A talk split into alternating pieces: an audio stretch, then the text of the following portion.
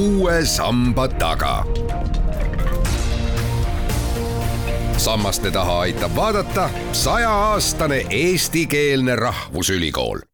tere kuulama saadet, mis räägib meie esivanemate muistsest toitumisest ning kaasprofessor Ester Oras on tulnud sellepärast ka ülikoolist mikrofoni ette teda usutlemas Madis Ligi.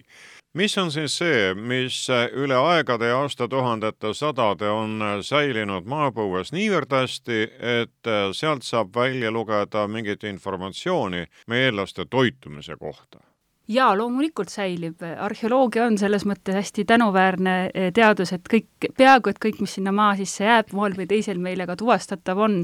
ja mis puudutab nüüd siis eh, just nimelt muistset toitumist, eh, siis see allikmaterjal on tegelikult meil küllaltki rikkalik. kui me vaatame arheoloogia uurimuse ja historiograafilist poolt tagasi, siis noh, kõige traditsioonilisemad allikmaterjalid loomulikult oleks loomaluud, niivõrd-kuivõrd ka taimejäänused, taimejäänustega lihtsalt on see väike probleem, probleem, et nad on väga-väga pisikesed ja neid on arheoloogia, arheoloogilistel välitöödel väga raske eh, tuvastada, kui selleks ei kasuta just spetsiaalseid eh, meetodeid. aga, aga jah, et, et väga pikka aega oligi meie teadmine muistsest toitumisest põhines siis eh, loomaluuleidudel, me saame sealt kätte, eks ju, liigid, selle, kuidas neid on töödeldud, eks ju, kes sealt on luudi näiteks proovinud kätte saada või keda siis rohkem tükeldati ja kes siis tervena patta läks, selline informatsioon. ja see peab siiamaani veel väga paika. aga nüüd alates alates ütleme üheksakümnendatest, mingil määral ka natuke varem mujal maailmas, aga üheksakümnendad on võib-olla see murdepunkt, kus me saame rääkida biomolekulaar-analüüsidest muistse toitumise tuvastamiseks. Ja see on nüüd just see suund, mis siis meie uurimisgrupp Arkemi uurimisgrupp Tartu Ülikoolis on üles võtnud ja, ja see allikmaterjal, mida me saame eh, siis sihtmärgiks võtta eh, nende biomolekulaaranalüüsidega, on tegelikult hästi rikkalik. millised leiud teile siis suuremat rõõmu pakuvad? üks põhiline, mis on ka minu enda peamine uurimisteema, on siis muistsed savinõud, ehk siis needsamad toidunõud, kus toitu on tehtud ja hoiustatud ja sealt saab siis väga hästi nii lipiidid kätte kui ka proteiinid ja nende molekulide noh, spetsiifiliste analüüside kaudu, peamiselt me kasutame erinevaid massispektromeetria meetodeid, saame me siis tuvastada, mida, mida nendes konkreetsetes nõudes on valmistatud või hoitud. aga need savinõud, kuigi nad on väga tänuväärsed just nimelt sellepärast, et savinõud on kõige rikkalikum materjal arheoloogilises, arheoloogilistel kaevamistel üldse, kui lähete ka kogudesse ja vaatate, siis ühest küljest see on kõige igavam, eks ju, tüüpilised potikillud tolmunud ja niisugused mitte midagi ütlevad pruunid ollused, aga et neid just nimelt on väga palju ja ka väga erinevates perioodides, nad lihtsalt säilivad hästi, sisuliselt on ju tegemist mineraalse niisuguse klombiga. aga, aga siis lisaks savinõudele on meil siis teine suurem selline uurimisvaldkond on siis inimjäänused ise, ehk siis inimskeletid, ja sealt me saame toitumist tuvastada nii inimluudest, kui me ekstraheerime sealt kollageeni ja kollageeni sisse, ütleme siis kollageenis on dekodeeritud siis see eh, isotoopide signaal, mis räägib sellest, mis oli inimese põhitoidus tema eluaja jooksul. Eh, aga lisaks sellele ka nüüd viimasel ajal on tulnud hambakivi, see on siis nüüd see, ütleme, see, see ollus, mida inimesed praegu käivad tihtipeale, eks ju, eemaldamas hambaarsti juures, vanasti seda õnneks või kahjuks ei tehtud, eks seal olegi plussid ja miinused, ja ta on, kui teda on, ta on väga hästi säilinud ka siis arheoloogiliste inimskelettide hammastel eh, ja, ja sealt me saame samamoodi erinevaid biomolekulaaranalüüse teostada, proteiinid, lipiidid, aga ka vana DNA, et kätte saada siis nende inimeste, mida nad siis sõid, sellepärast et sinna sisse need biomolekulid sellesse hambakivisse jäävad väga kenasti kinni ja on väga hästi kaitstud keskkonnatingimuste eest, et nad säilivad seal kenasti ja me saame nad kaasaegsete meetoditega sealt välja võtta, uurida ja saada teada, mis sinna suhu siis täpselt sattus. no teil on neid kaasaegseid meetodeid parem ka rakendada, sellepärast et te olete ühtaegu kaasprofessor kahel erialal, arheoloogia sai viidatud, keemia siia juurde panna ja nagu juba vastusest läbi käis,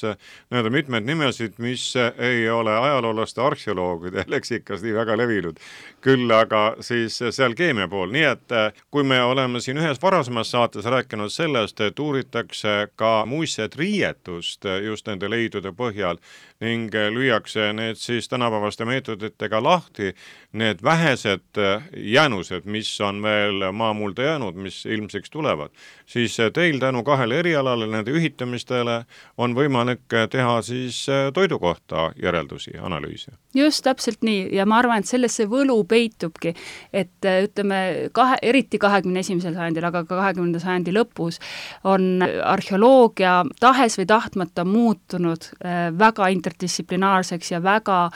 tugevasti on sisse tulnud äh, loodusteaduslikud, aga ka täppisteaduste meetodid äh, meie igapäevategevuses on, on noh, kui ajalukku vaadata, siis radiosüsinik dateering, mis on ka iseenesest loodusteaduslik meetod, ilma selleta arheoloogia oleks ikka väga tõsises hädas, eks ju, et kuidas, kuidas äh, ajaldada neid oma, oma leide. aga, aga noh, kui me vaatame tänapäeva kontekstis, mis siis praegu kõige rohkem tegelikult laineid lööb, siis geneetika, noh, mis me räägime, personaalmeditsiin ja see on meile kõik tuttav, aga samamoodi seesama vana DNA analüüsid arheoloogilisest materjalist on praegu vaata et kõige populaarsem teema, kus Nature'i ja Science'i artiklid, no tippteaduse, tippteadus tuleb noh,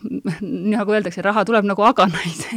Et see on, see on praegu see maailm, kus me elame ja, ja tahes-tahtmata arheoloogia on liikumas ja temast on saamas veel, veel rohkem ütleme siis humanitaar- ja sotsiaalteadustest loodusteaduste juurde, aga samal ajal, mis me ise ka oma uurimisseltskonnaga ja oma kolleegidega arutame, et me ei tohi ära unustada seda, et me siiski uurime inimest ja me uurime mineviku kultuuri ja see inimlik ja kultuuri ja sotsiaalne taust ei tohi nendest uurimustest ära kaduda, nii et see peab olema selline sünergia ja kombinatsioon. Ester Aras, kuid milline on teie lähenemisprintsiip siis materjalidele, on võimalik võtta kusagilt kogudest äh, kuid on võimalik ka värskelt väljakaevamistel välja tulnud, olgu nad siis need potikillud, millele te viitasite, või midagi muud, mida te kasutate nüüd oma analüüside tegemisel? arheoloog loomulikult on ennekõike, seostatakse väljakaevamistega, aga meie siis naerame, et meie Arkemi uurimisgrupp, et me teostame väljakaevamisi kogudes, ehk siis nende riiulite vahel, kus neid varem välja kaevatud asju hoiustatakse.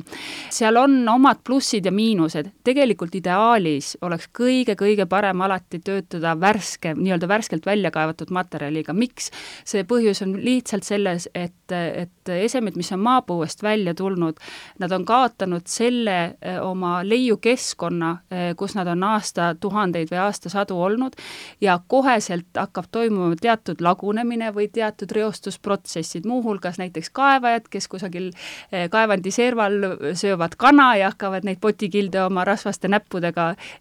näpp, näppima, eks ju, ka see mõjutab koheselt. Või siis see, kui nad on kogudes, kui seal võib-olla teinekord eh, neid puhastatakse või liimitakse või toimub eh, mõni väike õnnetus, näiteks vee noh, selles mõttes uputus või midagi sellist, mida teinekord kogudes juhtub, igasugused hallitused vastavalt kogude tingimustele, kõik see tegelikult mõjutab seda, mida me analüüsime, kui hästi siis on meie biomolekulid säilinud ja kuivõrd tegelikult noh, et me teame, et, et kõik need protsessid mõjutavad seda säilivust väga palju, selles mõttes me eelistaksime alati nii-öelda värskelt välja kaevatud materjali, millega on võimalikult vähe nii-öelda kaevamisjärgseid protsesse toimunud. tõsi, praegu me ikkagi oleme lähenenud nii-öelda uurimisküsimuse keskselt, ehk siis ikkagi vaadanud olemasolevat varem kaevatud materjali ja enamik meie uurimismaterjali ikkagi on need, mis on kaevatud seitsmekümnendatel, kaheksakümnendatel, osad isegi esimese vabariigi aegsed, võib-olla isegi kohati vare, varasemat materjali, me lihtsalt peame siis enda kuklas endale aru andma, et, et mõned leiud, mis sealt tulevad, võib-olla ei olegi autentselt päris vanad, vaid nendega on vahepeal veel midagi tehtud ja juhtunud. seega kõik need äh, leiud, äh, mis on äh, päevavalgele tulnud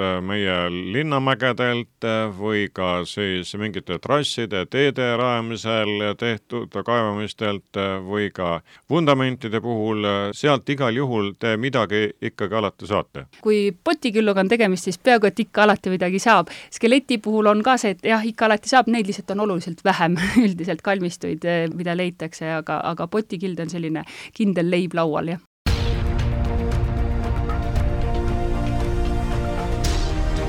uue samba taga.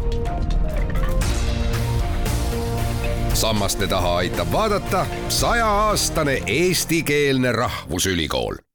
kas on vahet ka nüüd, millisest pinnasest üks ja teine asi tuleb päevavalguse kätte? jaa, see on tegelikult arheoloogia üks, üks, üks suuri noh, üleüldse säilivuse küsimus on, on üks suur noh, teema omaette ja omaette probleem. noh, ma toon siin lihtsalt ühe, ühe näite. inimluustikud, mis on siis ka meie uurimismaterjal väga selgelt ja väga tugevalt üks olulisemaid, kuidas üldse muistset toitumist tuvastada,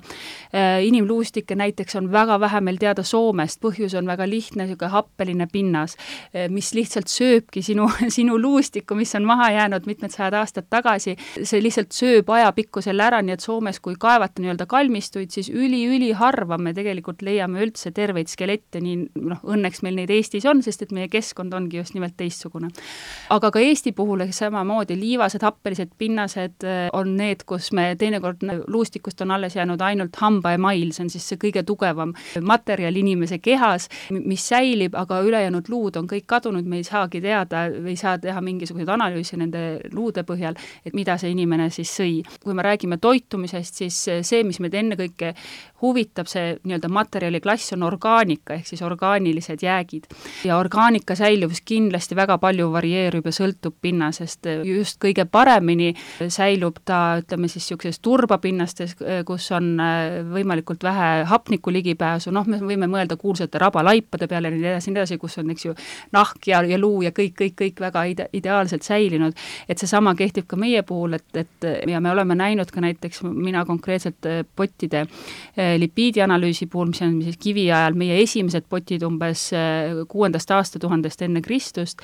et see säilivus näiteks Kääpa ja Akkalid on väga kuulsad mesoliitilised asulakohad, siis keskmisest kiviajast asulakohad Eestis, mis on just nimelt turba, nii-öelda turbaga kaetud, seal on ka see lipiidide säilivus oluliselt parem ja me saame palju nüansirikkama pildi sellest, missugu-, missugune see toitumine oli, sest et neid molekule ongi rohkem säilinud. samas kui ütleme, rannikupiirkonnas ja paekivipealsetel on see säilivus mõnevõrra nigelam, aga see on tõesti hästi regionaalne ja sõltub väga paljust, mitte ainult nagu geoloogia aluspinnast, vaid ka sellest, kui paks see kihistus, kuidas veerežiim on aja jooksul muutunud, kuidas inimtegevus, näiteks kuivendustööd, on seda keskkonda mõjutanud, nii et see kõik kombineerub kokku, aga keskkonnal on väga oluline roll. aga kas teie ja teie kolleegide jaoks annavad ainest ka need leiud, mis on veest välja tulnud, noh, Salme viikingilaevast on siin viimasel ajal kõige rohkem juttu olnud, kuid merest on ju kätte saadud ka muud. kas seal on ka midagi veel sellist küljes või see, sees, mis jagab teavet siis äh, toidu kohta? põhimõtteliselt ikka, kindlasti mere, merevesi, ühest küljest teda võib tegelikult pidada päris heaks säilitajaks, nagu me mõtleme samamoodi puidu säilimise peale, eks ju, et, et ta, ta on, on küllaltki hea säilitaja, aga seal on ka kindlasti oma sellised keskkonnamõjutused, see soolasus e, ennekõike, mis võib ka siis neid e, biomolekule e, mõjutada, aga see on täiesti, võiks isegi öelda, et omaette teema on siis muistsetelt laevavrakkidelt siis kogu kogu selle kraami, mis selle laevaga sinna veehauda läks, siis sealt ka siis toidunõude uurimine. Salme laev on loomulikult hästi tuntud, kuigi see on siis lihtsalt nii-öelda meresidus muistis, eks ole, et ta ei ole merepõhjast otseselt avastatud, noh ja seal oli nii meeste luustikud kui ka loomade luustike jäänused, noh, väga selgelt jällegi toiduga seotud nüansid olemas, mida me ise oleme teinud Meremuuseumiga koostöös, see ei ole küll otseselt toiduga seotud, aga on, on olnud olnud meil analüüsi all ka mõned nii-öelda põnevad ollused, kus on mingisugust kummalistest äh, ümmargustest justkui kahurikuulilaadsetest nõudest, siis oligi küsimus, meie poole pöörduti Meremuuseumi poolt, et mis siis nendes kummalistes nõudes on, noh, toiduga seal ei saanud tegemist olla ja no jõudsimegi selleni, et küllap mingisugune hästi süttiv materjal, mille, millega siis kedagi pommitada ja, ja mis hästi põlema läheb, et küllap seal midagi sellist on. et selles mõttes, et jaa, ka, ka, ka merepõhjast võib üht koma teist põnevat tulla välja, mida saab ka molekulaarsete analüüsidega siis tuvastada ja, ja toitumisega eh, seostada, kindlasti selles kontekstis on hästi põnevad leiud need Kadrioru eh, kaks laeva, kus siis küll minu teada nõude lipiidi analüüsi tehtud ei ole, seal kindlasti oli, oli neid väga ägedaid nõusid hästi palju, aga noh, muuhulgas selline rikkalik materjal kalade luustikest ja sellest, kuidas nad omavahel sabapidi on kokku seotud ja kuidas kalu, ilmselt siis kuivatatud kalu hoiustati ja, ja kõik selline nüansirikas materjal sealsetest leidudest, see on täiesti selline fantastiline, ma ütleks, et võimalus otsest kontakti ajalooga saada ja näha, kuidas, kuidas nad siis näiteks oma kuivatatud kalu, kus kohas nad hoidsid, kuidas nad neid hoidsid ja tõenäoliselt ka sõid, et see on, see on, ma arvan, hästi tänuväärne ja äge leid. kas olete praeguseks jõudnud juba nii kaugele, et saate ka järeldusi teha või see on ikkagi selline suhteliselt uuem valdkond, muistse toitumise uurimine, mis nõuab veel teabe kogumist, et siis teha mingi vaheetapp ja kokkuvõte? Tegelikult on meil juba päris palju äh, tulemusi olemas, ühest küljest loomulikult meil on need teadmised varem, nagu ma ütlesin, et loomaluude põhjal, mida me saame eeldada. nüüd meie uurimisgrupi analüüsid on siis võtnudki eesmärgiks nii-öelda neid oletusi kontrollida ja tuua siis otsest, otsest tõestusmaterjali, mis siis nii-öelda pottidesse ja mis siis inimeste hinge ja kehasse see äh, sattus. ja me oma projektiga, mis aasta kaks tuhat kakskümmend siis sai ETAG-i poolt rahastatud, võtsimegi eesmärgiks selleks, et me tahame luua pika perspektiivi kuue tuhande aastase ajaloo pildi muistsest toitumisest Eestis. ja alustasimegi kronoloogiliselt, ehk siis rohkem oleme siiamaani töötanud kivi- ja pronksiajaga ja mis me võime siis kiviaja puhul täiesti selgelt öelda, see üks osa ei tule üllatusena, et väga palju äh, söödi just äh, metsloomade liha, aga ta on erinevates äh, piirkondades väga erinev äh,, näiteks saarte peal on just nimelt väga palju oluline olnud äh, hülgepüük, aga näiteks Eesti vanimast äh, mesoliitilisest asulast Pullist on teada, et esimesel äh, kohal on siis põder ja järgneb kobras, mis on võib-olla teatud üllatus, aga see on siis see, mida me luumaterjali põhjal teame. nüüd, kui me liigume pottide juurde äh, ja mesoliitikumi siis kõige varasemad potid Eestis, mis üks niisugune huvitav nüanss, mis tänu meie uuringutele hakkab silma, on see, et meil on teatud kulinaarsed praktikad. me näeme, et loomaluid on noh, metsloomaluid varieeruval hulgal erinevates regioonides, aga ikka põder ja kits ja metssiga ja noh, siis kobras ja hüljes vastavalt sellele, kus sa oled. nüüd, mis torkab silma üle Eesti, on see, et pottidesse on millegipärast sattunud kala ja mitte neid teisi loomi niivõrd, mis näitabki seda, et tõenäoliselt siis nii-öelda kalasupi tegemine oli siis nii-öelda pottide ja keetmise teema, samal ajal kui siis loomalihaga, kas seda siis kuivatati, grilliti, röstiti, mis iganes muudel viisidel, aga pottidesse seda nii palju sattunud ei ole. Teine niisugune huvitav ja suur küsimus just arheoloogia seisukohalt on see, et millal meile siis koduloomad tulevad. ja just kodustatud loomade, noh, et kuidas me seda saame tuvastada, tegelikult kõige otse otsesem ja lihtsam viis peale nende koduloomaluude, mida meil tegelikult on väga-väga vähe, on siis jällegi savinõudest lipiidianalüüs, sest et selle, see analüüs võimaldab meil tuvastada piima. ehk siis, kui me saame kätte piima, võime me ka väga suure tõenäosusega eeldada, et ju siis oli kits, lammas ja lehm ka. ja just need lipiidianalüüsid ja need on hästi värsked tulemused, näitavad, et, et meil on tõepoolest nii-öelda piimakari siin olnud kolmanda aastatuhande teisest poolest, aga ta ei ole kindlasti mitte prevaleeriv, ehk siis meil on keskmiselt ütleme, kümme protsenti kogu nendest eh, proovidest on need, mis näitavad, et, et jah, piima on, aga teda ei ole sugugi mitte nii palju, samal ajal jätkub ka näiteks eh, kalade potis keetmine ja, ja ka noh, teiste metsloomade ja tõenäoliselt siis ka koduloomade, koduloomade mäletsejate liha on sinna potti sattunud. ja on huvitav, et sedasama pilti pilti, ütleme siis äh, varasema kiviaega, aja perioodide inimeste suuremat äh, kalatarbimist, aga siis ka ütleme siis kolmandal aastatuhandel rohkem maismaaloomade toodete tarbimist, me näeme ka luustike stabiilsete isotoopide analüüsis, ehk siis me saame panna kokku potid, mis me sealt pottidest kätte saame, ja selle, mis siis inimesed eluaja jooksul sõid ja mis nende luukudedesse nii-öelda ladestus nende isotoopide näol. ja need pildid omavahel väga hästi kõlavad kokku, ehk siis ongi, ütleme, kolm kolmandal aastatuhandel on see suurem murrang meie toitumises toimunud ja me hakkame liikuma rohkem siis mäletsejate, nii kodu- kui metsloomade mäletsejate tarbimise poole ja kala hakkab vaikselt tagasi tulema meie toidulauast, aga ta tuleb veel hiljem tagasi. selline sai saade, mis rääkis muistse toitumise uurimisest ning selgitusi jagas Ester Oras, kes ühtaegu nii arheoloogia kui ka analüütilise keemia kaasprofessor. küsija oli Madis Ligi